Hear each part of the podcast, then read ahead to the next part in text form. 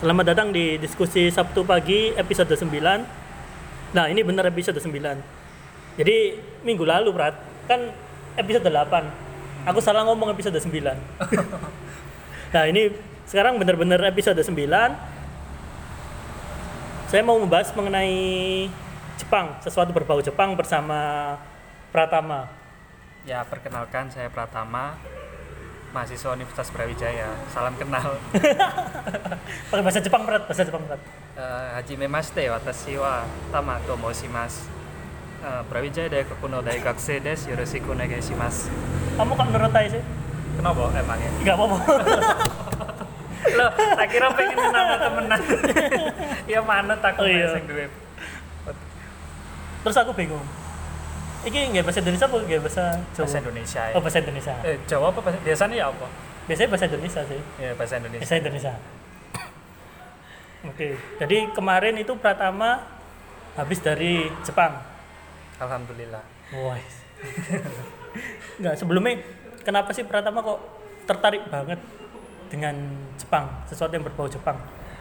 Kan mulai SMA jurusan bahasa fokusnya belajarnya Sebenarnya Jepang. sebenar Kuliahnya sebenar- bahasa Jepang. Ah, sebenarnya sebenarnya saya dari kecil emang suka pelajaran bahasa asing dulu waktu SD masih ingat aku suka bahasa Inggris dan Hmm. itu tak ikuti terus dari kelas 1 itu tak baca bukunya dari misal bab pertama tapi udah aku baca sampai bab-bab selanjutnya Hmm. akhirnya Iya. makanya entah kenapa aku dari kecil tertarik sama bahasa asing dulu masih bahasa Inggris namun di SMA ini aku kenal baru bahasa Jepang ya menurutku dari tulisannya unik. Ya. terus bahasanya juga unik. Ya kalau dengernya keren gitu.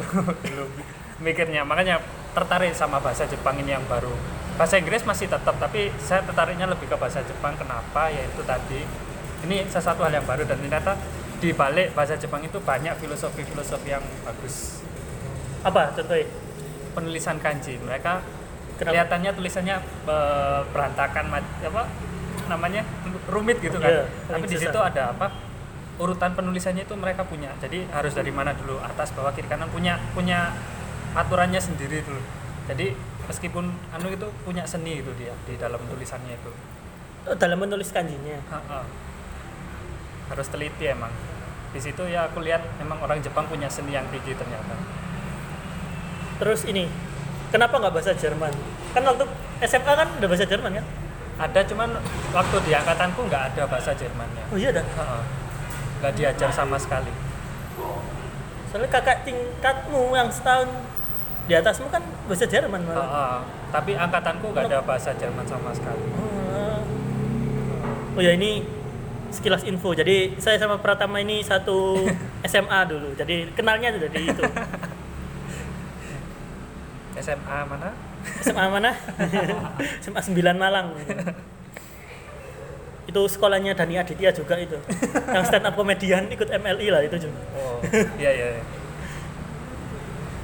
di sana itu enggak tapi unik ya di sana di SMA 9 tahun-tahun ya tahun awal masuk kalau nggak salah itu kan banyak ini yang anak-anak wota-wota Iya nggak sih? oh iya ha.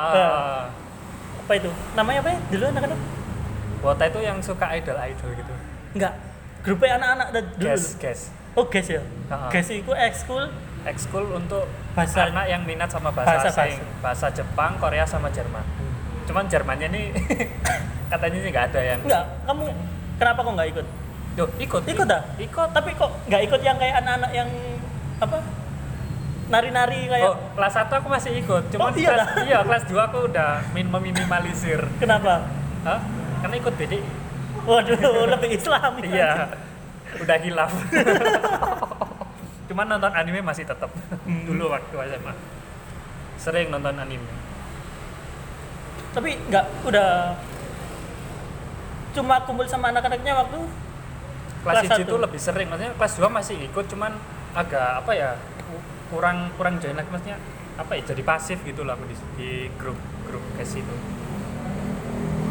Terus itu tentang idol? Macem-macem. Ya orang yang suka anime idol pokoknya berbau tentang Jepang ataupun Korea. Soalnya waktu dulu sekilas aku lihat mereka kan kayak anak-anak yang penggemarnya JKT48 yang Ya, memang waktu zaman gue SMA dulu masih viral-viralnya JKT. Iya. Terus di awal tadi kan sebelum ini di record ya, sebelum ini direkam kan sempat ngomong-ngomong tentang idol. Heeh. Nah itu gimana? Idol ya. Iya.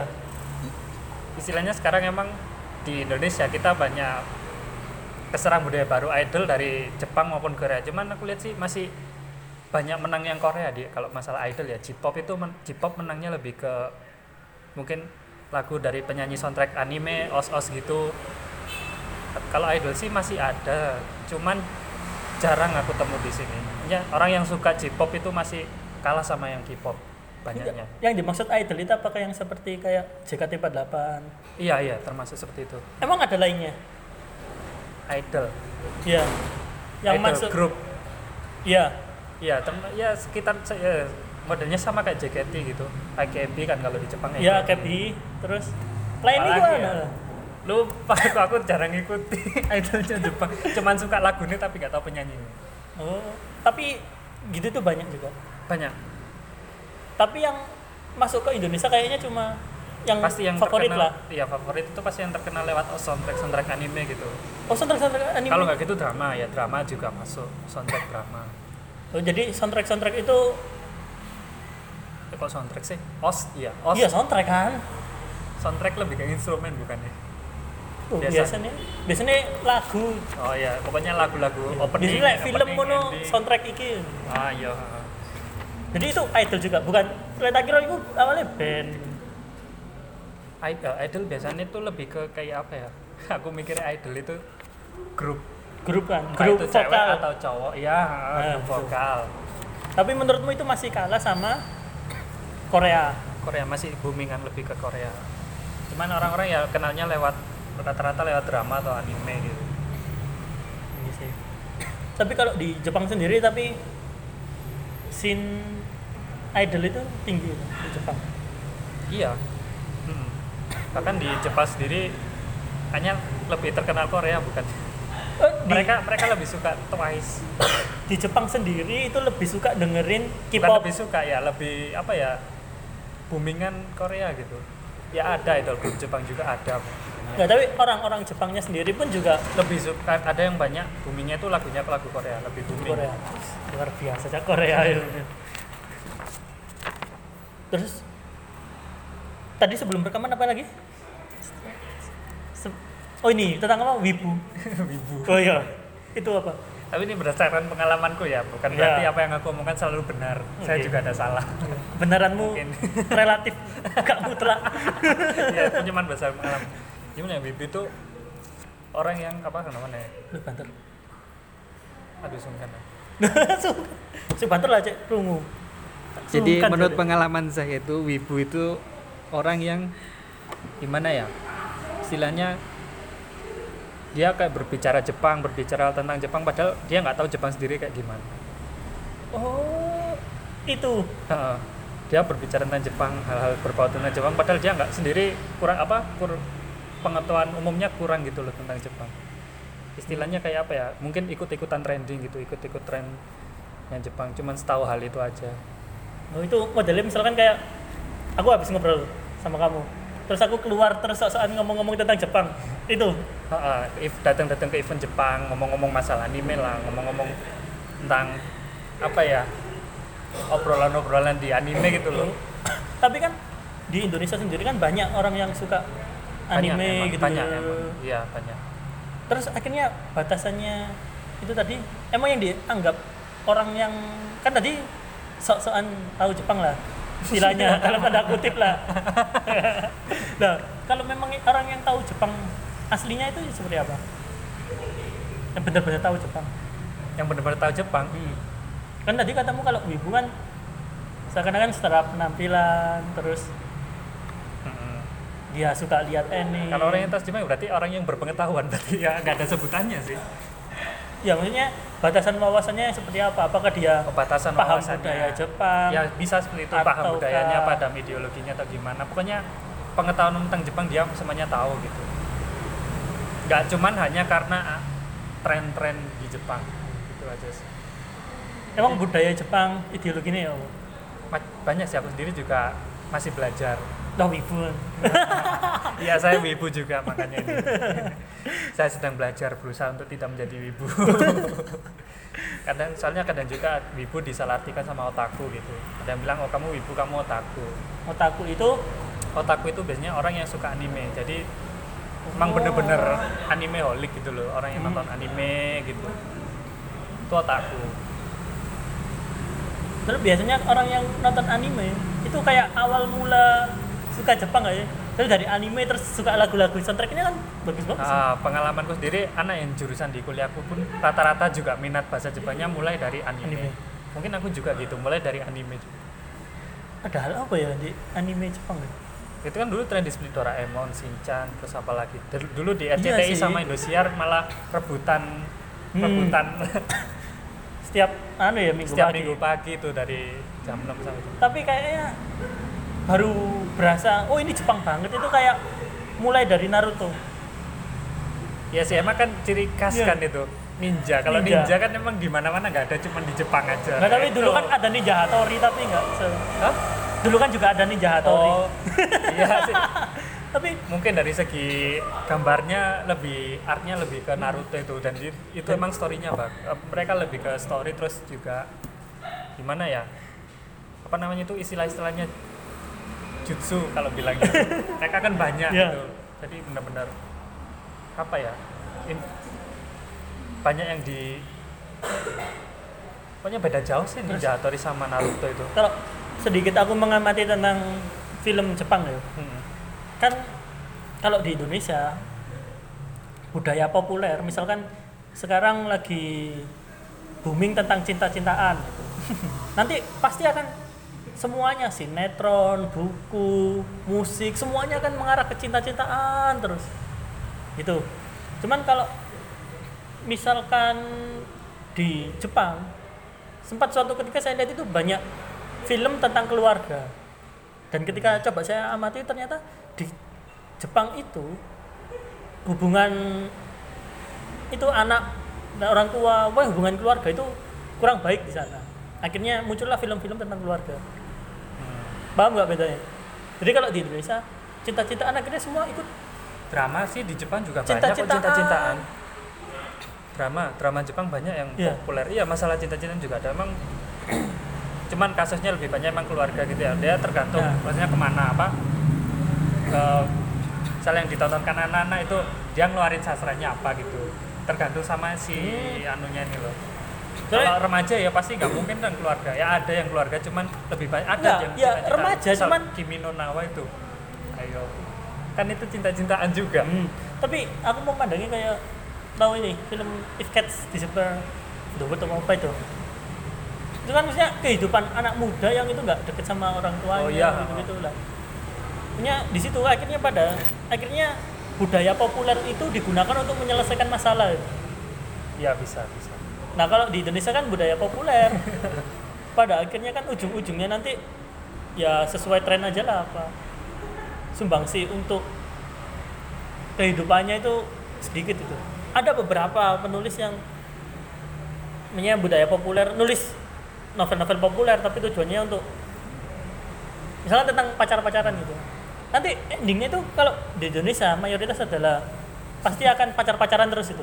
Tapi ada beberapa penulis yang ketika budayanya ini oh pacar-pacaran, oh ini kayaknya nggak baik deh. Akhirnya dia membuat novel cinta-cintaan tapi kalau pacaran nanti endingnya tragis terus gitu-gitu. Menolak hal itu. ya Kalau- itu sih tergantung ke yang pembuat filmnya emang macam-macam Oh, dia pengen ya. buat yang beda gitu loh Oh. ya Bar- narik feelnya penonton kan barangkali ternyata di Jepang seninya seperti itu juga maksudnya. Hmm. Gitu nggak sih? Kalau aku sendiri kan aku anak pendidikan jadi kurang tahu masalah sastra di sana tapi kalau aku emang amati Film-filmnya dari film-filmnya. di film-filmnya kan emang ya mereka juga ambil fantasi contohnya ya gitu Kimi no Nawa kan aneh orang yang tiga tahun lalu kok bisa tersambung sama si ceweknya Hmm. jadi mereka mainnya kayak apa ya sesuatu yang di luar pikiran orang-orang itu loh ini kok unik gitu konsepnya konsep filmnya Nah, iya itu. Sama kayak itu ada yang If Cats Disappear itu lah. Dia itu ya ambilnya juga mereka dari permasalahan di masyarakat umumnya sih biasanya. Fantasinya sangat unik gitu loh. Itu emang kreativitasnya orang Jepang emang Lah. luar biasa. Maksudnya di Indonesia jarang loh kayak gitu tapi di Jepang. Nah itu sih oh ini masalah nyangkutnya nanti ke pendidikan. Ya gimana gimana? Orang Gimana? Jepang emang dilatih untuk berkreativitas berkreasi dari SD pun disuruh mikir. Kemarin pun di aku program Osaka itu semuanya rata-rata disuruh mikir. Gimana itu? Hah? nih aku jelasin kemarin ngapain aja oh di yang sana iya iya. Ya rata-rata kemarin kemarin, di Jep kamu di Jepang gimana ceritanya dulu? Bisa ke Jepang? Hah? ceritain dulu bagaimana bisa ke Jepang? Bisa ke Jepang. Waktu itu ada tawaran. Dari prodi ini ada program buat ke Osaka program se- sebulan setengah seperti ya kalau buat mahasiswa sih kalau ada dua kan ada program untuk dosen sama mahasiswa cuman bareng-bareng ini nanti. Iya. Kalau yang dosen itu dia belajar sistem pendidikan yang baru dari Jepangnya sana buat diajarin ke dosen-dosen. Kalau mahasiswanya sendiri tuh buat istilahnya mengenal gitu loh tentang Jepang. Dia diajak ke sana buat explore Jepang gitu. Heeh. terus ditawarin kan akhirnya ya udah aku coba aja terima. Isi Bayar nggak sih? Hah? mungkin bayarnya di paspor vis- visa gratis sih paspor terus cek kesehatan gitu-gitu sih. Kalau ke sananya transport transport pesawat dibiayai ya. Biayai ini kehidupan di sana? Dibiayai juga. Kok enak sih? Ya ini emang program alhamdulillah aku bersyukur dapat program yang kayak gini. Program dari kampus? Program dari Jepangnya sana. Oh Jepang? Oh ya enak sih. Ditawarkan buat universitas-universitas di seluruh Indonesia. Terus UB salah satunya ikut? Mm-mm. UP salah satunya itu terus di sana ngapain aja nah itu ya pasti yang pastinya yang pertama disuruh explore Jepang. Jadi kita disuruh cari tahu maksudnya dikasih ada waktu sendiri di mana kita nanti suruh keliling Osaka kita cari sesuatu yang unik menurut kita hal-hal yang udah kita pelajari kita temuin itu bisa ditulis ulang nanti dipresentasiin atau hal-hal yang baru yang menurut kita unik atau oh ini di Indonesia nggak ada gitu di, boleh dimas di buat catatan gitu ntar nanti dipres, dipresentasikan waktu tempat-tempat liburan kah atau? Macam-macam. Kita disuruh eksplornya terserah mau ke mana. Makanan juga? Dia dis- disediain. Pokoknya keliling Osaka gitu terserah mau ke mana. Satu hari itu. Terus ada juga yang ke Kyoto. Ke Nara juga ada. Beberapa kota. Hmm. tapi namanya nama programnya apa? Ya, capacity building. Tadi kok kayaknya ada Osaka Osaka? Oh, itu Osaka nama tempatnya. Kota kota Iya. Osaka kirain cuma di Osaka ya aja tapi di beberapa tempat. Emang pusat-pusat apa namanya anunya di Osaka. Pusat apa? Kan ini yang ngadain Japan Foundation kan Nah, Hmm. Japan Foundationnya ini ada di Osaka gitu makanya Oh. pusatnya di Osaka. Terus baru dan di, di sini juga ada program lainnya kayak apa ada home visit. Apa? Home visit. Kita datang ke rumahnya orang Jepang kita pengen tahu kesehariannya orang Jepang gimana masa bareng orang Jepang gimana. Tapi secara kesehariannya tinggalnya di mana? Hotel? Ah, kayak apa ya? Bukan hotel sih apartemen kan. Apartemen yang khusus buat pelajar di situ. Oh ada gitu. Apartemen yang cuman khusus buat programnya Japan Foundation aja. Buset. niat banget berarti ya? Iya ah. terus hal apa yang kamu dapatkan di sana? Banyak yang pasti kita belajar itu kalau di situ ada sebetulnya sama kayak kuliah-kuliah biasa ada kul- materi itu bukan materi sih diskusi lebih tepatnya diskusi. Jadi kita nggak ada guru jelasin ke murid itu nggak ada. Jadi guru ngajak diskusi siswa gitu. Tentang apa aja ada banyak perbedaan budaya yang pas itu. Pertama perbedaan budaya di Indonesia sama Jepang. Apa itu? Hah? apa yang paling mencolok lah? Paling mencolok?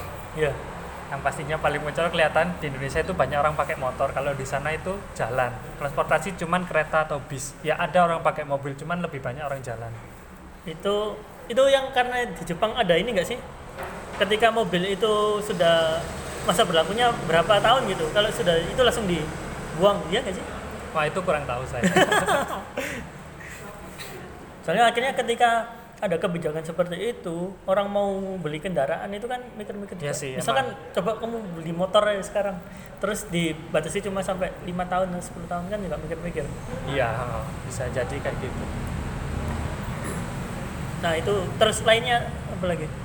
Lainnya itu si- enggak ini budaya-budaya tadi lah dulu mas Yan ya yang pertama perbedaan budaya yang kedua itu Enggak, coba bahas tentang itu rumah tangga sama pernikahan jadi perbedaan Apa? budaya Iya. ke ke apa ya rumah tangga di Jepang sama di Indonesia itu gimana Gimana emangnya? Hah? Gimana? gimana oh, dijelaskan juga ya waduh Iya. jadi kalau di aduh aku lupa Wis, bawa catatan. bisa dikat ya nanti Oh, nggak usah diikat gini Oh, aja. usah. Natural. Masalahnya di mananya aku lupa oh di sininya portofolionya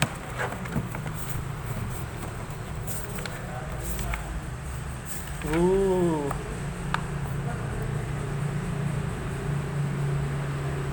Tadi di buku ini maksudnya sudah dijelaskan ini perbedaannya apa-apa gitu.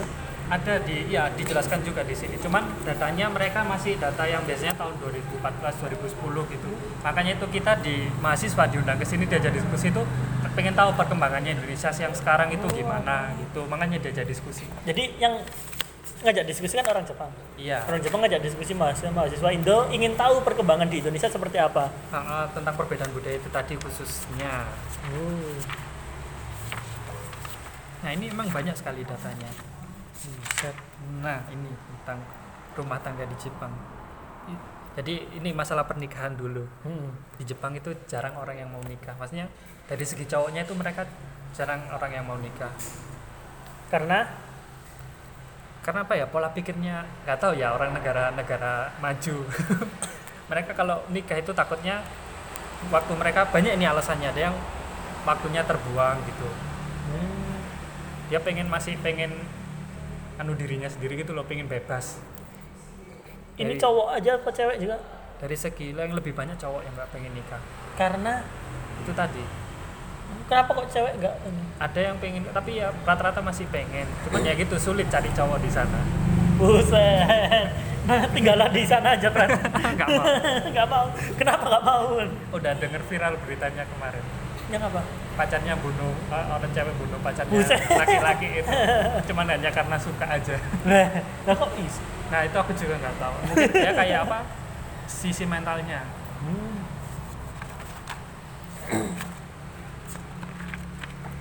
Ya, tapi nggak menikah tapi seks bebas tetap kan? Atau nah, nggak juga? tahu aku kalau itu Hmm. Tapi Masalah. tingkat nikahnya rendah itu. iya jarang orang yang masih sampai bahkan pemerintah Jepang sendiri kan udah ngasih biaya. Kalau kamu nikah punya anak tanggungan tanggungan dia apa namanya kehidupannya itu ada gitu loh. Dari Sampai pemerintah apa itu? sendiri. Hah? Nikah punya, anak, setiap punya anaknya anak, anak di- ke satu itu misal 30.000 ribu yen. Anak kedua makin tambah lagi 40.000 ribu. Makin banyak anak makin dikasih tunjangan Buset, di sini ada KB mengurangi anak di sana memperbanyak anak. iya emang gitu Gak tahu lah Oh, kirain mereka kekurangan tunjangan itu tunjangan misalkan sekolahnya gratis atau Iya, dari ya sekolah terus juga misal kalau waktu bayi dikasih yang udah beli popok Oh, gitu-gitu loh, susu.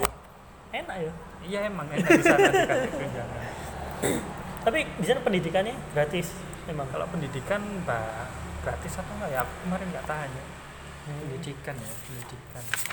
Kayaknya gratis ya gratis. Cuman kalau kalau apa namanya universitas bayar kuliah itu bayar itu mahal banget. Bersyukur sama Indonesia masih murah. Oh, Di sana benar-benar mahal kuliah di sana. Orang terus ada budaya apa lagi yang berbeda? pendidikan yang pastinya. Oh iya, pendidikannya gimana? dari SD, SMP, SMA. Kalau mereka kan di sana pendidikan kan kita kita pendidikannya kan 12 tahun. Kalau di sana itu cuman SMA nggak termasuk berarti 9 tahun ya 9 tahun. SMA itu dia mau terserah mau kuliah apa mau lanjut SMA atau enggak terserah dia. Lah terus? Mau lanjut kerja ya nggak apa-apa. Hmm, Jadi pendidikan wajibnya cuma 9 tahun. tapi ketika misalkan hitungannya kan lulus SMP. Mm-mm. Dia ketika mau kuliah berarti kan harus SMA dulu. Iya, kalau mau kuliah harus SMA dulu. Tapi dari SMA itu sebenarnya nggak diwajibkan kayak di sini kuliah gitu loh. Mau kuliah atau enggak terserah. Tapi di sana mau SMA atau enggak juga terserah mereka. Yang penting wajibnya itu sampai SMP. Berarti orang-orang usia kalau usia lulus SMP 15 tahun gitu kerja gitu. Ada yang ya biasanya sih cari part time gitu loh.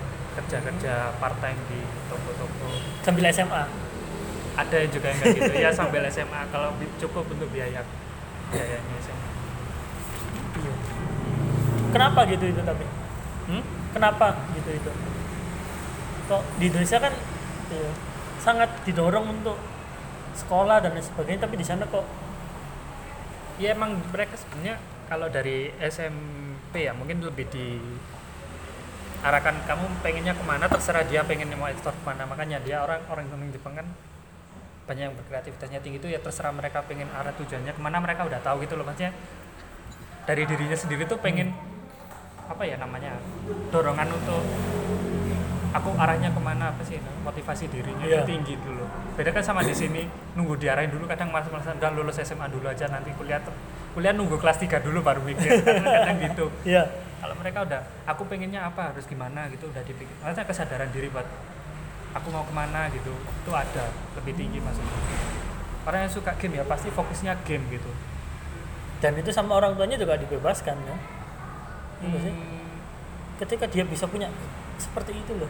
ya ada yang dibebaskan yang suka manga gitu juga gambar-gambar manga jadi sekarang juga yang paling booming itu karirnya itu voice apa namanya voice actor jadi anunya anime seiyu Apa? pengisi suara Pengisi suara. itu di sana booming Berarti dia hitungannya sampai ada Lulus. lisensinya sendiri lulus SMP langsung ya nggak langsung juga sih kadang tapi rata-rata masih banyak yang lanjut SMA gitu cuman terserah mereka mau enggak, lanjut. maksudnya kalau yang kayak tadi itu misalkan aku pengen belajar gambar tadi. Terus misalkan aku lulus SMP langsung ikut pelatihan-pelatihan gitu tak? misalkan di sana juga ada namanya SM misalnya di sini SMK gitu Oh, ada gitu. kejurusan Iya itu sih, ada gitu. di sana juga mau lanjut ke situ juga nggak apa-apa Eh, masa di situ jurusannya tentang gambar manga gitu? ya Iya, emang tak? fokusnya gitu kalau emang Semangat, fokusnya ada jurusannya sendiri sampai ada jurusan sendiri khusus buat gambar-gambaran Iya, makanya itu dia ininya maju seniannya. Terus tadi yang membedakan katanya kenapa kok di Jepang itu tingkat kreativitas imajinasinya orang-orangnya tinggi lah. Itu katamu tadi kan terkait dengan pendidikannya juga. Itu kenapa emangnya pendidikan di sana? itu tadi dilatih untuk terus mikir Contohnya, Hah? contohnya. Erang. Ya, tadi kan kalau mungkin SD SMA masih di pelajaran-pelajaran kayak biasa Hmm. tapi makin lama makin tingkat tingginya itu mereka lebih disuruh mikir gitu gimana ya misal kita dikasih studi kasus gini gimana cara penyelesaiannya lebih ce gitu sih Kalau di Indonesia hanya hafalan gitu tergantung maksudnya. jurusan juga biasanya kalau di jurusan ini ada permasalahan di- di- mereka terus dikasih permasalahan gimana dikasih fenomena kayak gini gimana Itu sejak ya selama pendidikannya itu SD gitu, SD SMP SMA gitu. mungkin kan aku juga nggak pernah ikut pembelajarannya langsung di SD kayaknya aku sih mikirnya gitu cuman kalau di sini kan di, cuma diterangin dia waktu SD pel- pelajarannya apa aja cuma diterangin gitu Hmm. aja sih Iya sih. Tapi iya, ya mungkin itu bagus juga sih kalau di Indonesia kan mungkin lebih banyak hafalannya kan ya ada gitu. hafalannya daripada nah, daripada menyelesaikan masalahnya. mikir itu jarang Iya. Iya. Terus ada budaya apa lagi kira-kira? Yang mencolok lah? kehidupan kampus ya kayak yang Gimana? keempat itu. Gimana? di Jepang itu gimana? Orang ya pasti hampir semua ya berapa ya? 98% mungkin. Orang yang kuliah di sana itu mesti part time anak-anak apa kuliah di Jepang. Dan uang part time-nya itu buat apa? Buat nanti waktu liburannya mereka bisa main-main keluar. Oh, liburan ah. maksudnya bisa liburan ke luar negeri ataupun di Jepang Hmm. sendiri Itu dia melakukan itu karena mungkin masih ada waktu senggangnya mereka habis kuliah atau karena dia sudah tidak dibiayai orang tua lagi akhirnya harus Kalau masalah biaya SPP katanya sih ada yang masih dibiayai orang tua. Jadi mereka part time itu murni cuman buat ya seneng-senengnya dia aja. mengisi waktu luang. Mengisi waktu oh ya waktu masih waktu luang terus waktu masuk liburan, waktu liburan misalnya liburan musim panas kah, atau Hmm. liburan musim dingin tuh mereka jalan-jalan keluar sama teman-temannya itu. Cari modal buat Ah, rekreasi. waktu- kemarin kan aku juga interview ke langsung ke mahasiswanya, mahasiswi sih ya. Oh, ya itu- kamu cari yang perempuan-perempuan. Emang disediain di sana perempuan. Apa? Emang ya anak-anaknya yang datang perempuan semua kok. Oh, alah. nggak ada yang lagi jadi dari lima anak itu empat empatnya itu mereka aku tanyakan kuliah kan nggak sambil patem ya mereka empat empatnya ya semua terus buat apa aku tanya semua dalam itu sama cuman buat liburan waktu akhir semester gitu berarti sebenarnya tidak ada urusannya dengan SPP dan lain sebagainya nggak kan? ada jadi mereka senang senangnya cari uang sendiri buat seneng seneng dia sendiri Wow. Terus di sana ngapain aja berat? Ada hal apa lagi lah yang didapat? Selain tadi kan namanya budaya dan sebagainya. Selain itu disuruh itu siapa namanya kayak pidato gitu loh ngelatih ya namanya kita datang ke Jepang dilatih bahasa Jepangnya kan Oh, pelatih iya. buat ngomong gitu loh Hmm. ada pidato apalagi kayak interview interview orang Jepang nanti dipresentasikan juga ke depan orang-orang Jepangnya ditanyai gitu gitu Hmm. Terus kan tadi bicara kamu kan disuruh explore Jepang. Nah, ketika explore Jepang itu explore apa sih? Apa saja? oh macam-macam nanti di selama biasanya kan kita, eh, aku di sana 45 hari dibagi ke 20 22 hari setiap 22 hari itu nanti ada evaluasi gitu loh Ya. di sana yang ketemu, ketemu apa aja yang unik-unik gitu Nah, kalau kamu dapetnya apa? Yang unik, yang unik-unik versi Pratama ketika ke Jepang. ini versi pengalamannya aja ya kan ada dua nih Ya. Ya waktu itu di pertigaan kan habis datang mau cari colokan colokannya kan tip type A gitu di sana bukan type Oh, ini iya. kan type B kan di sini di sana type A akhirnya cari dulu naik sepeda dan di situ sempat melanggar peraturan lampu merah sekali Terus terus kenapa? aku nggak tahu tapi Terus ketika jadi melanggar, naik sepeda kan oh, lah di sini berhenti mobil ber apa dari arah kanan. Istilahnya ya dari kanan berhenti dari depan berhenti. Aku kira nggak ada lampu merah lain ternyata ada di atas itu ada buat pejalan kaki sama orang yang naik sepeda itu jadi satu kan Ya.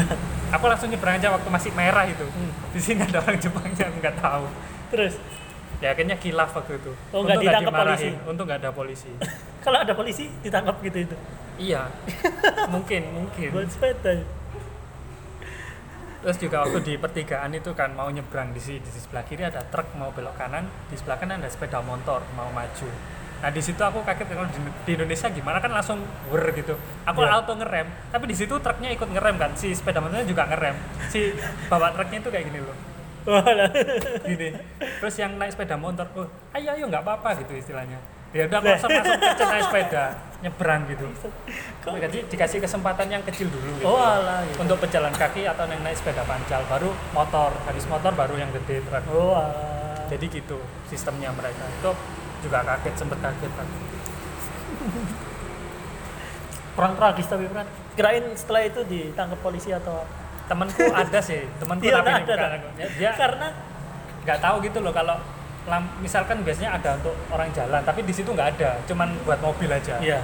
ya nggak tahu kan langsung terobos saja ada polisi kebetulan waktu itu ada maraton apa maraton se Lari. Osaka itu loh ya kan Iya. banyak polisi jaga-jaga Hmm. dia tahu nyebrang dia di, di- didatengin sama polisi Terus ditanya-tanyain loh tadi lo lampunya merah kenapa kok nerobos terus dia nggak tahu loh bukannya itu buat mobil nggak kalau kalau nggak ada buat pejalan kaki dia jadi satu sama mobil Hmm. kalau emang nggak ada lampu buat pejalan kaki loh oh dia baru tahu cuma dikasih pengertian aja lain Oh. kali jangan diulangi gitu Enggak, orang mungkin baru. polisinya juga tahu kan di sepeda pacarnya itu ada tulisannya apa ya Japan Foundation Oh, Internasional gitu iya. jadi tahu kalau itu orang asing gitu. Iya.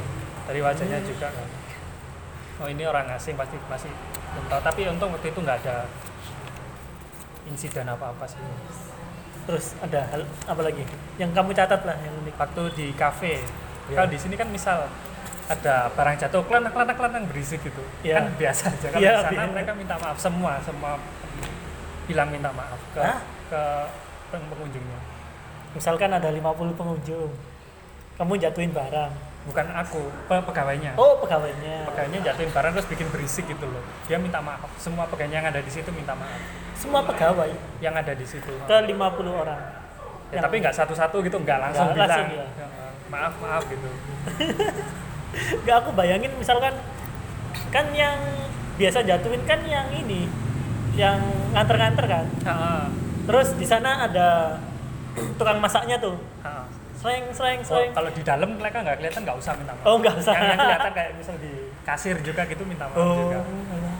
kira kan Enggak. semua Enggak, enggak, enak-enak enggak. yang Yang masak, kelihatan, yang yang kelihatan. masak, yang masak lagi enak.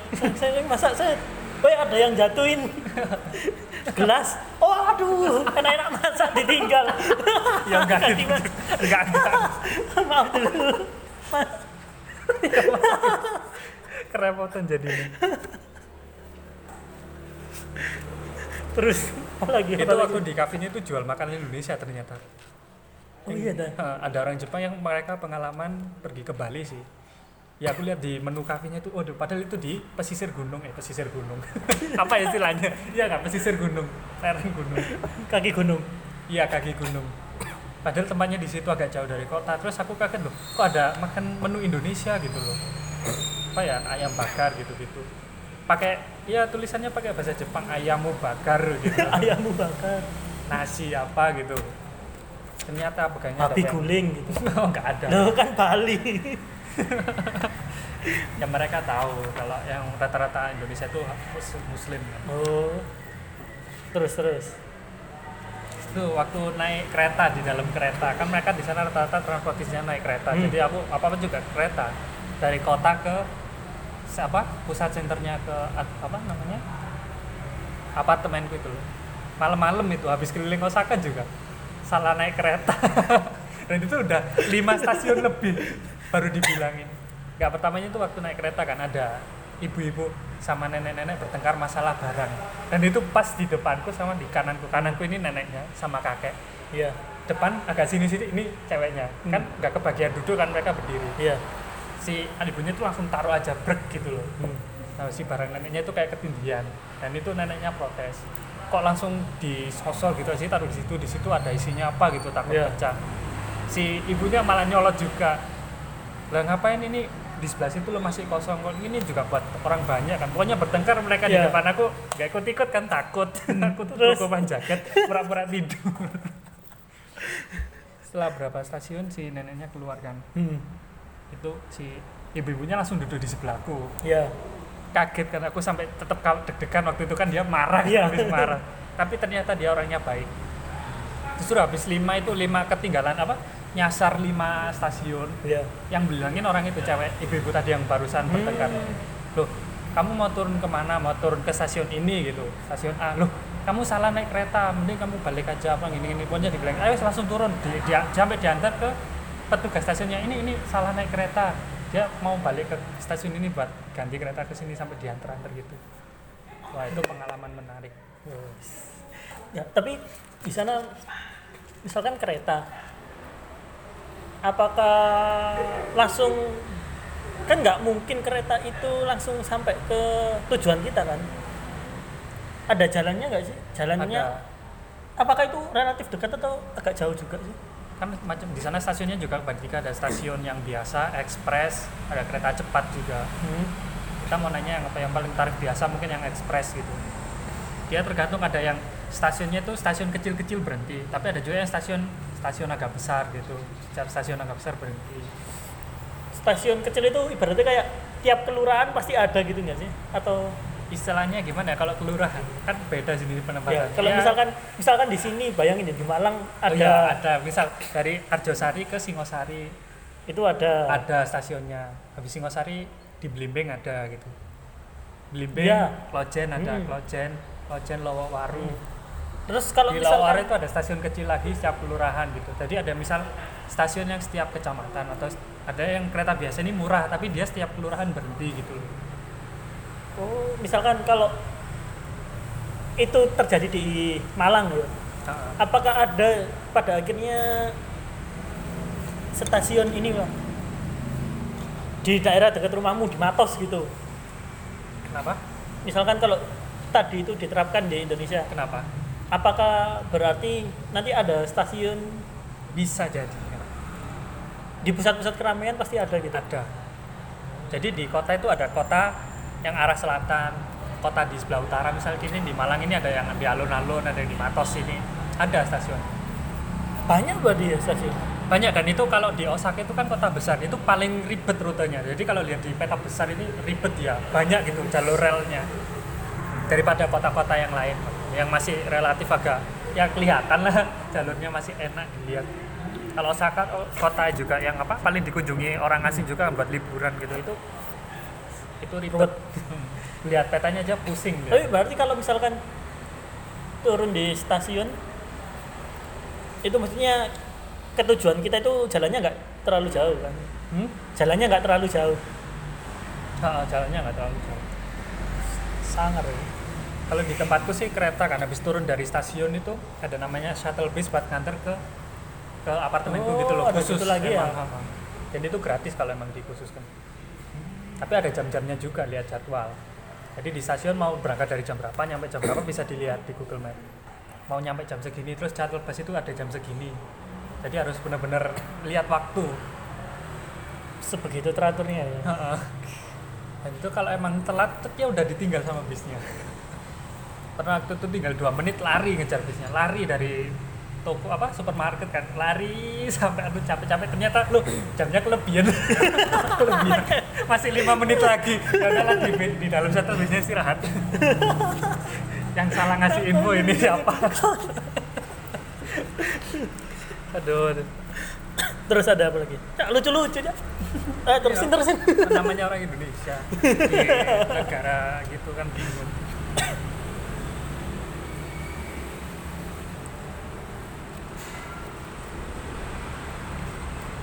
Tapi yang kuning ini apa? kuning ini pengalaman Ini pink. pink ini maksudnya kosakata bahasa Jepang Oh, alah. kan kita jelasin nggak tahu juga nanti iya.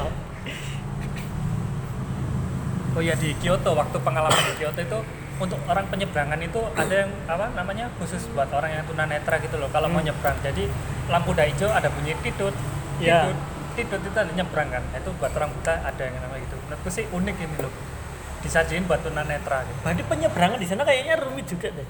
Ha, jadi setiap orang Ada yang khusus tunanetra. tidut tidut gitu jalan Ada yang khusus tunanetra, ada yang khusus pejalan, sepeda.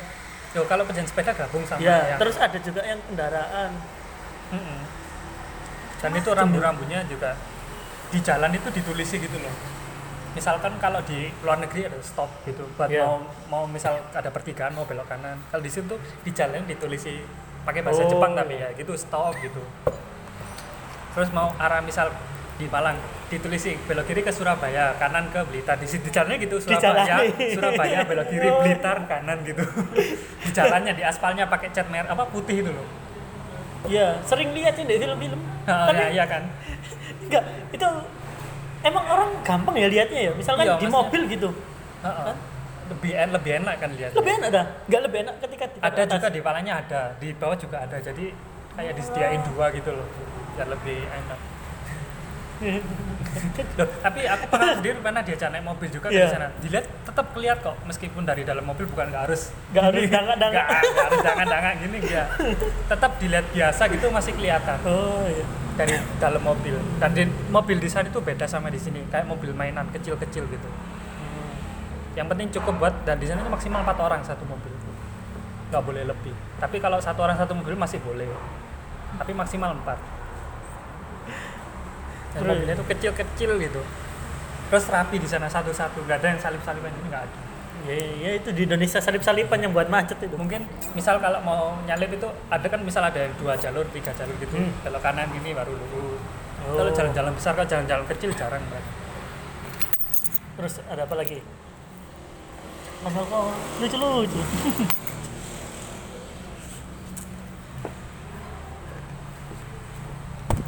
eh masih di sini juga Bedanya apa? hmm? Bedanya yang di halaman itu tadi sama di sini.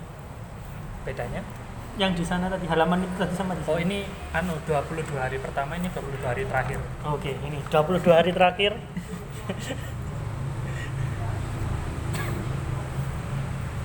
ini aku agak jarang nulis ya di sini pengalamannya biasa-biasa aja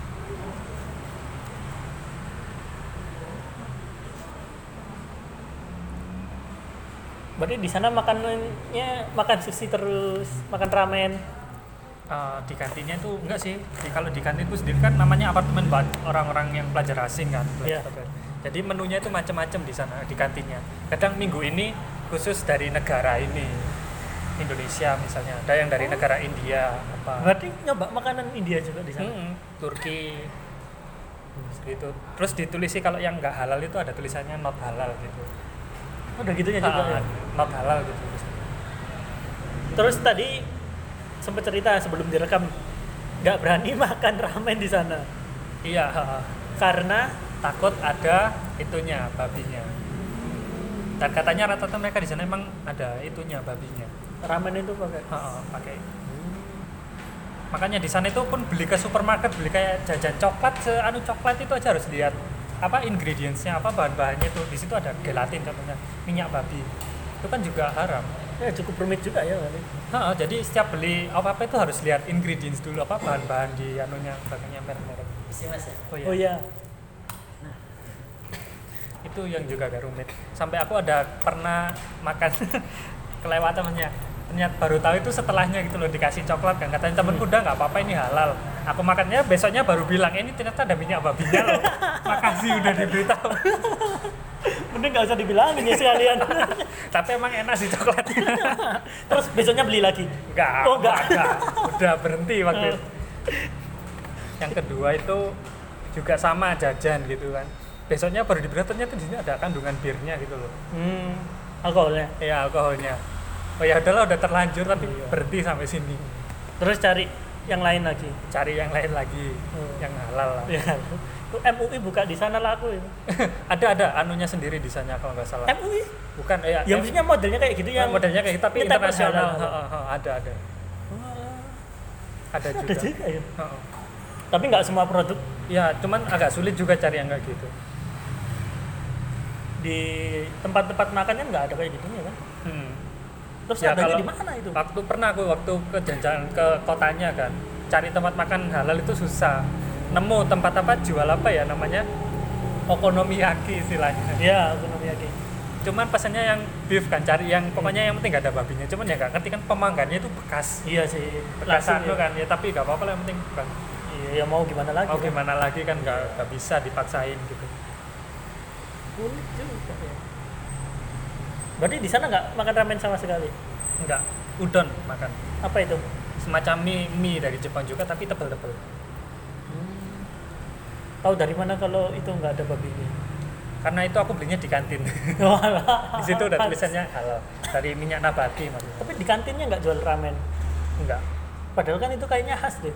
iya emang khas tapi kayaknya banyak ya khas udon takoyaki gitu mereka iya juga sih. khas loh cuman yang terkenal gara-gara itu Naruto pasti Iya, Ramen. iya sih ya. Naruto ramen. Nah, paling terkenal kan sushi sama ramen. sushi aku nyoba di sana sampai 12 kali delapan delapan delapan delapan maksudnya delapan kali ke sana setiap ke sana 12 piring Oh, 12 piring set. kecil. Gratis ya itu ya? nggak gratis bayar kalau itu Oh. ke kedainya saya Oh, ke kedai jadi pesan sushi di situ yang uniknya aku ketemu robot kayak kasir gitu loh Hmm, iya. kasir tapi robot jadi mau pesan apa? Tinggal tombol tombol klik ini ini ini ini. Nunggu dipanggil gitu. Keren. masuk terus kalau mau pesen itu tinggal klik. Misalnya di sini ada layarnya gitu loh mau pesen apa? Nanti jalan sendiri. Hmm. gitu. Enak di sana. Mahal kan berarti? Hmm, kalau di sini sekitar 14 ribuan lah sepiring gitu. Dirupiahkan loh kalau dirupiahkan. Murah. tiga Bang. belas ribu lima ratus ya lumayan murah. Dan itu Ya, kata mereka itu waktu diajar orang Jepangnya kan ikan ikannya dari im- impornya Indonesia aku lihat "Ih, ikannya di sini kok seger seger Waduh. nggak apa apa nggak apa ikannya kok seger seger oh ya padahal ini ikannya juga impor dari Indonesia loh. Loh waduh di Indonesia sendiri kok jarang ada orang jual ikan kayak gini gitu kayaknya dari apa ya proses anunya itu baik kayaknya pengemasannya dari anunya. Fakta menarik. seger-seger ikannya dari sampai di piringnya itu masih kerasa banget seger. Meskipun mentah dalam kondisi mentah itu Kirain karena Jepang negaranya kepulauan, akhirnya kan ada Banyak. yang mereka cuman kan butuh banyak juga kan iya, akhirnya Ya, salmon gitu. tuna itu juga impornya dari Indonesia juga makanya kan rat Indonesia itu satu yennya cuma 130 rupiah Be- be- apa masih mahalan ringgit Hmm. satu ringgit 3000 kan Iya. di rupiah kan Gitu ya. satu yen cuma 130 Enggak, balik sushi tadi. Sushi di Indonesia harganya satu piring di sini kalau yang model kayak Jepang tadi itu baru satu aku nemu di Transmart Sushi Station. Berapa? itu itu? 15.000 ribu. Ya hampir sama kan? hmm. rasanya? Lebih enak di sana. Di Jepang kan lebih enak. Lebih lebih fresh ikannya? Dari fresh ikannya terus tapi porsinya tapi porsi ikannya diambil di Indonesia loh. Iya porsinya juga besar di sana. Maksudnya satu lep gini cukup lah. kalau di Indonesia? Nggak berasa? Aku nggak berani soalnya pengalaman aku ke tak sensor ini namanya. Ya apa? Matos di Matos ini Iya. aku beli sushi. Dan itu aku sama temanku kan beli sepaket buat harusnya buat empat orang porsi empat orang tapi cuma dimakan berdua. Itu Iya. macam-macam ada tuna salmon mentah gitu kan. Aku makan perutku langsung sakit pengen muntah. Nggak enak sama sekali. Dari sausnya juga nggak enak. Tapi waktu pertama nyoba ke sana aku masih takut kan pengalaman makan sushi di Iya. Indonesia tadi. Coba aja lah kan nggak enak sama orang Jepangnya udah diajak makan sushi nggak dimakan kan juga nggak enak. Coba coba ternyata beda. Lebih di sini lebih enak. Ya di Jepangnya lebih enak. Ada apa, hal apa lagi? Apa lagi ya? Berarti di sana itu rekreasi rekreasi rekreasi sebenarnya kalau kita di sana kan tujuannya ini eksplor Jepang cuman kalau kita mau nyuri-nyuri waktu kan ini ada hari libur Sabtu Minggu sama hari nasional liburnya ya cuman ini kita cuma Oh. cari kesempatan libur enggak rekreasinya nggak termasuk di explore Jepang itu Iya masuk. Cuman kan harus ada tugas. Misal ke Kyoto tadi kita harus interview ke orang-orang Jepang, ke orang tokonya, ke wisatawan. Jadi kayak Iya. ada beban tugas gitu lah harus interview. terus kalau kamu nyobain nggak rekreasi ke mana gitu terus Nyoba. Ya ini waktu nyuri-nyuri waktu di Sabtu Minggunya Iya. ini ke ke mana ke Kobe, Shiga. yang menarik paling menarik Paling menarik. iya Menarik semua sih menarik. Soalnya waktu itu mau cari salju kan di sana. Oh. su- waktu itu kan udah musim dingin tapi kok nggak turun salju gitu loh. Iya. Kan tujuannya ke sini pengen lihat salju. iya akhirnya nyoba pergi ke agak ke utara dikit ya nemu nggak nemu salju sih tapi nemu gunung es sama foto bunga-bunga kuning tahu nggak nggak pernah aku upload enggak. Lupa lah. Gunung es gitu ya. Ya udahlah yang penting bisa dimanjakan sama gunung es itu tadi lihat pegunungan besar terus es banyak esnya gitu. Sama di danau sih dia kan. Tapi ya at least nanti apa namanya berapa ya dua minggu apa seminggu gitu dua minggu atau seminggu sebelum pulang itu ternyata alhamdulillah turun salju di Osaka oh tapi nggak nggak tebel tapi cuman kayak dikit tapi banyak gitu loh. Kecil-kecil tapi banyak. Ya nggak sampai numpuk besar gitu enggak tapi sempat lihat turun salju banyak gitu. Itu pun udah seneng ya. terus explore Jepang selain rekreasi lah. Terus makan apa lagi sih? Rekreasi makan. Yang keluar lah aktivitas keluar itu ngapain keluar. Iya maksudnya kan kamu di apartemen. Selain proses belajar selain proses belajar itu sih ya itu ke itu namanya paling berkesan itu ke SD apa kunjungan ke SD di di Osaka Jepang gitu kan. Kenapa? Waduh itu waktu masuk udah di ruangannya itu dihiasi bendera Indonesia gitu. Indonesia Indonesia, Indonesia. niat ya.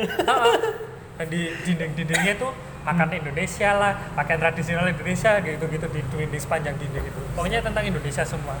Terus waktu masuk kan itu kayak di apa namanya ada anak SD satu-satu buat ke kita kan kita total 25 orang. Itu bawa nama kita satu anak SD iya mau masuk aulanya itu di satu-satu gitu sambil diringi lagu Indonesia Raya instrumennya Indonesia Raya. Sambil di ini kan anak SD banyak kan? Iya. disambut tepuk tangan maju di tengah satu-satu sambil diringi itu tadi lagu. Indonesia Raya. Misal dipanggil ini bawa namanya anak SD satu sama satu di belakang. Tuh satu-satu maju sampai baris panjang. Gitu.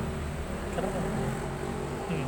hanya terjadi di SD itu saja atau paling menurutku paling berkesan sih soalnya juga nanti ke kelas-kelas kan. Pertama Iya. itu ke kelas anak aku ke bagian anak kelas 3 SD di situ aku berantem di dalam kelas.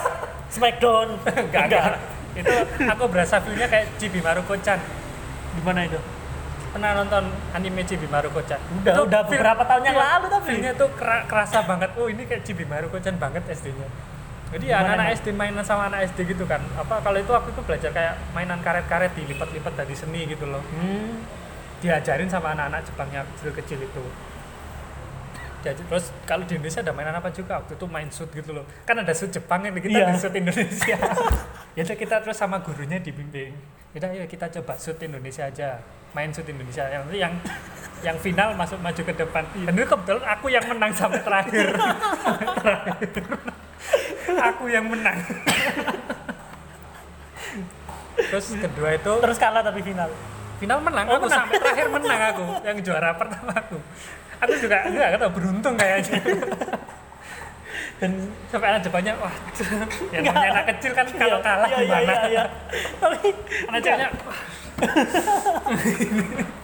tapi orang Jepangnya bakal nganggep kayak wih ini tapi ada yang juga dukung ayo ayo dukung aku gitu ada. Enggak, tapi kan sweet itu kan keberuntungan itu loh. Mm-mm. walaupun misalkan aku orang Indonesia terus sweet Jepang sama orang Jepang gitu kan. Kan itu keberuntungan, Iya, keberuntungan, kan. Kan. tapi kan ketika kamu sampai menang itu aku kayak berusaha ngalah-ngalah waktu kayak anak kecil kan. Udahlah kalah-kalah Zak, kok menang terus? Malah jadinya gak tahu aku. Kayak gitu kan akhirnya anak-anak kayak nganggep bahwasanya uh ternyata orang Indonesia itu ini ya terampil punya keahlian khusus untuk melakukan sweet. Anak kelas 3 SD nangkepnya cepet loh. Jadi maksudnya gimana? Ini tuh gajah ini tuh orang ini semut. Kalau semut lawan gajah menang. Ini ini. Dijelasin tuh oh iya iya iya, tahu. Ayo main. Langsung gitu nggak perlu dijelasin kenapa kok bisa menang semut sama gajah kenapa gitu. Nggak usah dijelasin langsung tahu sendiri. Buset. unik gitu kedua itu ke anak kelas 5 SD jadi waktu istirahat makan siang itu sama anak kelas 5 aku kebagiannya itu. Makan bareng gitu. Kalau mereka di SD itu udah disediain sama sekolahnya gitu loh. Jadi ngambil diambilin gitu. Yang tiket ngambilin makanan ditaruh jejer makan bareng. Tapi di situ aku agak canggung sih anak-anak kelas 5 karena ya mereka kan lebih ibaratnya aku lihat kalau di Indonesia itu kayak udah kayak anak SMP gitu loh. Udah agak pendiam gitu. Beda sama anak-anak yang kelas 3 tadi yang masih Iya. rame gitu kan. Waduh ada agak canggung aku lihatnya apalagi yang di depan kan tuh bener kan makanya bareng gini di depanku ini anak cewek. Mau aja ngomong kayak apa ya kerasa apa namanya canggung gitu loh. Karenanya cuman ketawa-ketawa malu gitu. Ya aku mau ngajak ngomong gimana ya cuman gini, gitu-gitu doang di depanku ya aku malu mau ngajak akhirnya ada anak yang di sebelah sini di sebelah kanannya dia ngajak ngobrol. Aku anak laki. Dan itu disuruh kenalin kan namaku ini nama dia terus jajar gitu. Nama nama dia ini nama dia ini ini ini, ini sampai ada sekitar 8 anak. Buset. Terus aku ada nama aku ini terus makan lanjut makan lagi. Habis makan ditanyain lagi masih inget nggak nama namanya gimana rasanya? gitu. Aku langsung dek kayak dites gitu rasanya. Coba sih namanya ini tadi dia nah, anak anak sebelahku anak laki nih siapa? Aku lupa. Aku nyoba nyoba tak inget inget apa oh bener bener bener ada yang salah satu. Tak terkait terkait apa namanya? Ngomongnya rindik tapi padahal agak miss dikit tapi dia ngiranya bener. Oh ya bener untung gitu kaget aku kayak dites gitu. Buset. Itu menunjukkan kamu beneran kenalan beneran apa enggak? Nah iya kayaknya gitu aku soalnya kan kalau di Indonesia misalkan ini oh iya tapi itu pasti bakalan lupa itu Is.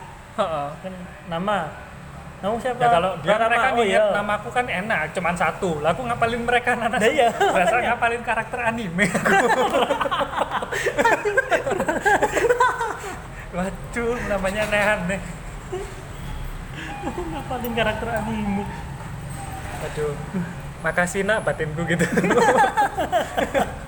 Tapi hanya terjadi di sekolah itu kan enggak ini tuh dapat view-nya bagus. Aku di kelas dapat view-nya di luar itu bendera Jepang lagi ngibar gitu. Keren gitu. Pengen aku selfie sih tapi tak agak sungkan gitu. Terus yang terakhir itu ke anak kelas 1 SD gimana itu? Di situ paling guyup. paling rame dari segitu. masih kecil-kecil kan? Tapi tak anggap masih dia masih pinter loh. Jadi tahu huruf kanji kan yang jilid-jilid Iya. anak SD kelas 1 itu minimal 200 kanji udah hafal jadi aku lihat waduh ini kan waktu aku semester 2 pelajaran. Kanjinya. dan mereka udah belajar gitu loh. Wus, aku lihat kok keren. Dan mereka juga udah pinter tanya-tanya gitu. Maksudnya sama orang asing mereka biasa. Oh ini masnya sekarang lagi kuliah kak iya kuliah kelas berapa ditanyain gitu juga oh gitu terus yang ada kan Ma itu ngajarin origami Iya. udahlah main origami dulu mereka bertingkah nanti aja tanya-tanya ya udah, aku, aku sampai bingung mau manut yang mana kan anak kecil semua Iya. Tapi berarti di situ secara di pendidikannya ada targetan gitu. Maksudnya ketika kelas berapa harus sudah bisa berapa huruf kanji. Hmm, hmm, hmm. Soalnya itu sebenarnya itu permasalahan yang ada di Indonesia terkait. Jadi di Indonesia pengennya juga kayak gitu. Misalkan selama dia kelas berapa, dia targetan mungkin bahasa Indonesia Bisa. kosakata berapa nah gitu ya bisa lemanya berapa dan sebagainya. ya bisa. Tetapi di Indonesia itu masih menjadi permasalahan karena mereka targetannya buku paket. Jadi buku paket misalkan kelas 1 harus ada berapa kosakata, kelas 2 berapa kosakata, kelas 3 Hmm. berapa lah. Di Indonesia itu tetep tetep gitu-gitu aja gitu loh kosakata kosakatanya ya. Emang lema ya sih, emang lemanya gitu-gitu aja. Soalnya di Jepang sendiri kosakatanya itu banyak. Sampai ada kosakata yang nggak bisa diterjemahin di bahasa Indonesia ini apa ya? Ya intinya gini tapi nggak tahu bahasa Indonesia apa gitu. Contohnya di di bahasa Jawa sendiri ada juga kan yang nggak bisa Iya. dijelasin misalkan contohnya gobios. Gobios itu apa beda kan berkeringat tak? Keringetan? Iya. nah, gitu contohnya. Keringetan berkeringat. Kalau gobios ya keringat yang mengucur deras gitu. Apa bahasa Indonesia nya? Di Jepang juga ada kayak gitu. Terus beletet gimana kita pakai baju Iya, tapi nggak iya, cukup. iya, itu iya, bahasa iya. Indonesia nya apa? Di Iya. Jepang udah ada sendiri. Nah itu yang agak susah. Ya intinya gini tapi apa bahasa Indonesia nya nggak muat gitu. Iya. pakai baju nggak muat. Pakai baju tidak muat. Artinya Iya, gitu. iya. iya sih memang kalau bahasa Indonesia kan banyak ambil dari anu lah bahasa asing juga. Hmm. bahasa yang masih muda lah. Bahasa Indonesia yang murni sendiri kan cuma gabungan dari beberapa bahasa daerah kan? Iya tapi kan orang-orang kadang hitungnya bahasa daerah itu kan bukan bahasa Indonesia asli gitu. Iya biasanya cuman- kan bahasa Indonesia kebanyakan nyerapnya kayak Melayu gitu, -gitu. iya. Dan bahasa Indonesia itu ya hitungannya kan masih baru. Baru 1945 kan baru ada bahasa Indonesia. Eh 1928 nah yang Sumpah Pemuda. Oh semua kami pemuda. ya. Oh, iya, iya. ya itu kan baru itu kan bahasa Indonesia. Iya. Sedangkan kalau bahasa Jepang udah dari kapan itu? Iya sih. Sebenarnya Jepang sendiri juga ada perkembangan kok bahasa juga. Macam-macam lah. Emang setiap negara punya sejarah bahasanya sendiri-sendiri. Iya. Cuman bagusnya bahasa Indonesia kan ketika kita ke mana pun dengan berbagai macam suku Iya, itu yang paling- bahasa daerah itu masih bisa sampai orang. Jepangnya itu tanya loh kan ada temanku dari Padang dari Medan Hmm. dari Bandung sukunya suku Sunda bahasanya beda. Terus ditanyain loh terus kalian kalau ngomong pakai apa nanti? Pakai bahasa Indonesia. Berarti semua orang satu Indonesia meskipun sukunya beda-beda belajar bahasa Indonesia. Iya. Oh keren ya gitu bisa Iya, sampai kayak gitu. gitu ya. Terus aku tanya balik lah di Jepang ternyata juga ada tapi bedanya mereka logat kayak di sini tuh Jawa Timur sama Jawa Tengah gitu aja sih Hmm. sekelas bedanya. Ada beda dikit cum- tapi cuman beda logat sama bahasanya mungkin beda dikit gitu. Iya. tetap bahasanya pakai bahasa apa kalau ngomong pakai logatnya Tokyo? Kan ibu kotanya Tokyo jadi orang Jepang kalau utara sama selatan ngomong pakai logatnya Tokyo. Iya sih. Apalagi apalagi apa lagi ya kadang susah kan harus dimancing dulu. Kalau dipancing. Aku soalnya kemarin banyak sebenarnya cuman aku bingung lupa ada mana aja gitu loh.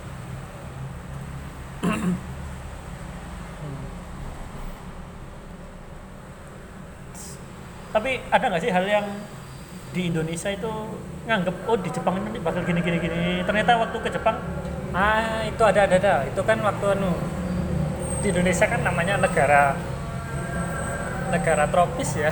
Iya. Nggak ada musim dingin. Aku lihat ini kebagian musim dingin. Aku feel- belum pernah ngerasain ya mungkin ke Bromo lah paling anu. Ya cuman di sini aku nggak tahu dinginnya sedingin apa.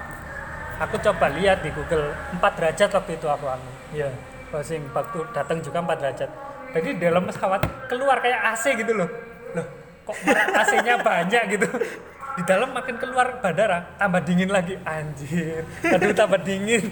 Terus masuk kan gak kuat ini kayaknya. Terus waktu masuk ke apartemennya itu aku nggak tahu sistemnya kayak hotel gitu loh kartu dimasukin Iya. gini aku nggak tahu itu tombol listriknya di mana ini tombol lampu tapi nggak nggak nyala gitu loh. Terus gimana nyalain? Akhirnya aku coba buka selambu pakai sinar matahari. Waktu ke kantin ngobrol eh gimana sih caranya ngobrol lalu kartunya masukin di sebelah pintu tuh loh. oh cara gitu, gitu nyalainnya gitu aku nggak tahu sama sekali. Terus penghangat juga. Waktu sama temanku ada tombol gimana caranya nyalain penghangatnya? Tek udah nyala hijau gitu kan. Ternyata itu cuma tombol on aja gak nyala. Oh, udah ini udah nyala. Kok tetap dingin? Gak kerasa hangat sama sekali baru setelah dua atau tiga hari gitu eh ternyata buat nyalainnya itu ini loh lambat bunyi nying gitu. Oh berarti dari kemarin gak nyala. Aku tombol pedal cuma nyala hijau gitu aja. Cuma tombol on gitu aja. Terus biasanya kalau misalkan di on the spot atau apalah yang fakta-fakta tentang Jepang lah itu Hmm. kan di kamar mandi banyak tombol. Oh toilet. Iya. iya iya. Ya, gitu, gitu. itu toilet umum sih. Nggak oh. Kalau toilet di apartemen nggak itu sendiri toilet biasa. Nggak bingung pakai bingung cuman aku nggak pakai tombol itu? Cuma tombol flash udah itu aja. Nggak ada yang lain. Ke kamar mandi tombol flashnya yang mana kan di sana macam-macam loh tombol flash itu. Jadi ada yang gini ada yang cuman fingerprint dan fingerprint. Eh kok fingerprint? Apa gini loh diginikan dulu baru nge-flash. Ya maksudnya di ada tempat ketika kita sentuh langsung ya ada itu. sentuh baru cer gitu ada. Terus nunggu kita ini terus ditinggal baru nyala sendiri tuh ada jadi ditinggal dulu baru dia langsung auto gini. Secara teknologi lah di Jepang yang katanya. Yang itu yang bagus malah itu kamar mandi di atas gunung itu di dekat kuil kan ada toilet gitu. Aku masuk nyalanya lampu jadi cetik cetik pintunya buka nih gitu. Toiletnya langsung buka gini. Jadi kayak keidentifikasi ada orang masuk gitu lampunya langsung nyala sendiri tek tek tek tek gitu. Mau masuk toiletnya buka sendiri nih gini luar biasa. Aduh aku lihat ih ini di gunung loh. Kok di kota nggak ada yang kayak gini? Nah, ketika berbicara teknologi di Jepang secara keseluruhan yang menurutmu wow. Wow. Ya wih keren banget. Kayak tadi kan misalkan di kamar mandi ketika kita jalan terus ternyata bisa diidentifikasi ada manusia gitu. Itu sih ya itu toilet tadi salah satu. Lainnya. Lainnya apalagi ya lainnya maksudnya di apartemenku itu sebenarnya kan orang ngiranya wifi di Jepang itu cepat. Hmm. tapi kenyataannya wifi di apartemenku dibatasi internetnya. Dibatasi gimana? Jadi dibatasi cuma bisa buat chat sama video call aja lah itu sebatas itu aja. Posting posting status masih bisa tapi kalau ngegame gitu nggak bisa. Karena YouTube streaming itu aja macet-macet nggak tahu kenapa aku juga bingung. Itu mungkin di apartemen. Di apartemen, kalau ya. di tempat lain lah di malah cepet umum. di mall itu lebih cepet di mall gini Hmm. atau jangan-jangan di situ khusus untuk pendidikan akhirnya? Iya makanya Bisa kayak jadi, bisa kan? jadi kayak gitu. Kok lebih cepet di mall? Internetnya. Di kafe-kafe gitu kan juga ada wifi kan? Ada. Cepet gitu cepet juga. Cuman ya gitu kan nggak enak tinggal di apartemen kok yang internetnya dibatasi. Makanya Iya. temanku rata-rata pakai roaming. Hmm. mahal tapi udah wes itu aja mungkin. Hmm? itu aja mungkin. Ada cerita lagi nggak? Itu waktu di Iya. Nara kan habis turun stasiun mau nyari base apa pemberhentian base di situ ada kayak screen besar buat kita nyari jadi tombol gitu loh. Kita mau ke sini nanti ditunjukin sama anu oh kamu harus naik base yang di halte 1 atau halte 3 gitu. Mapnya di sebelah sini. Jadi touch screen gitu loh. Iya. dan itu ya menurutku keren sih terus di situ ada terjemahan bahasa Inggris Korea Cina. Arab. Jadi lah. gak ada. Itu juga menurutku teknologinya menarik. Jadi ketika keliling-keliling banyak kota itu dibiayai. Ha-ha. bahkan waktu di Kyoto kan dua hari nginep di hotel hotelnya juga dibayari. Tapi nanti Susi katanya bayar sendiri. Oh itu emang soalnya main kan main sendiri gitu loh. Habis kelas masih sore karena anu, daripada nganggur keluarlah ke sus kedai sushi naik sepeda pancal. Saking seringnya nggak perlu Google awalnya pakai Google Map tapi lama-lama udah kebiasa. Hmm. rasain feel anime gitu suka. Feel anime? Ya naik sepeda terus ada kereta lewat nih terus di sawah-sawah pinggir sawah gitu. Waduh kerasa banget. Oh ini aku dulu di Jepang. Tapi itu juga apa namanya? Ada peluncuran roket tapi dari jauh kecil. Untuk nggak tahu. Cuman waktu itu habis dari kedai sushi kan wah ada meteor katanya gitu. Bukan itu roket. Meteor eh, debat mereka. Ya kalau meteor itu gini gini gini bukan kalau roket roket tuh gini. Nah bahas itu pulang. Aduh aduh. Ya udah wes itu aja. Sudah ada suara pujian yang masuk mungkin di sini. Oh iya. Dan mungkin itu saja. Ya selamat mendengarkan minggu depan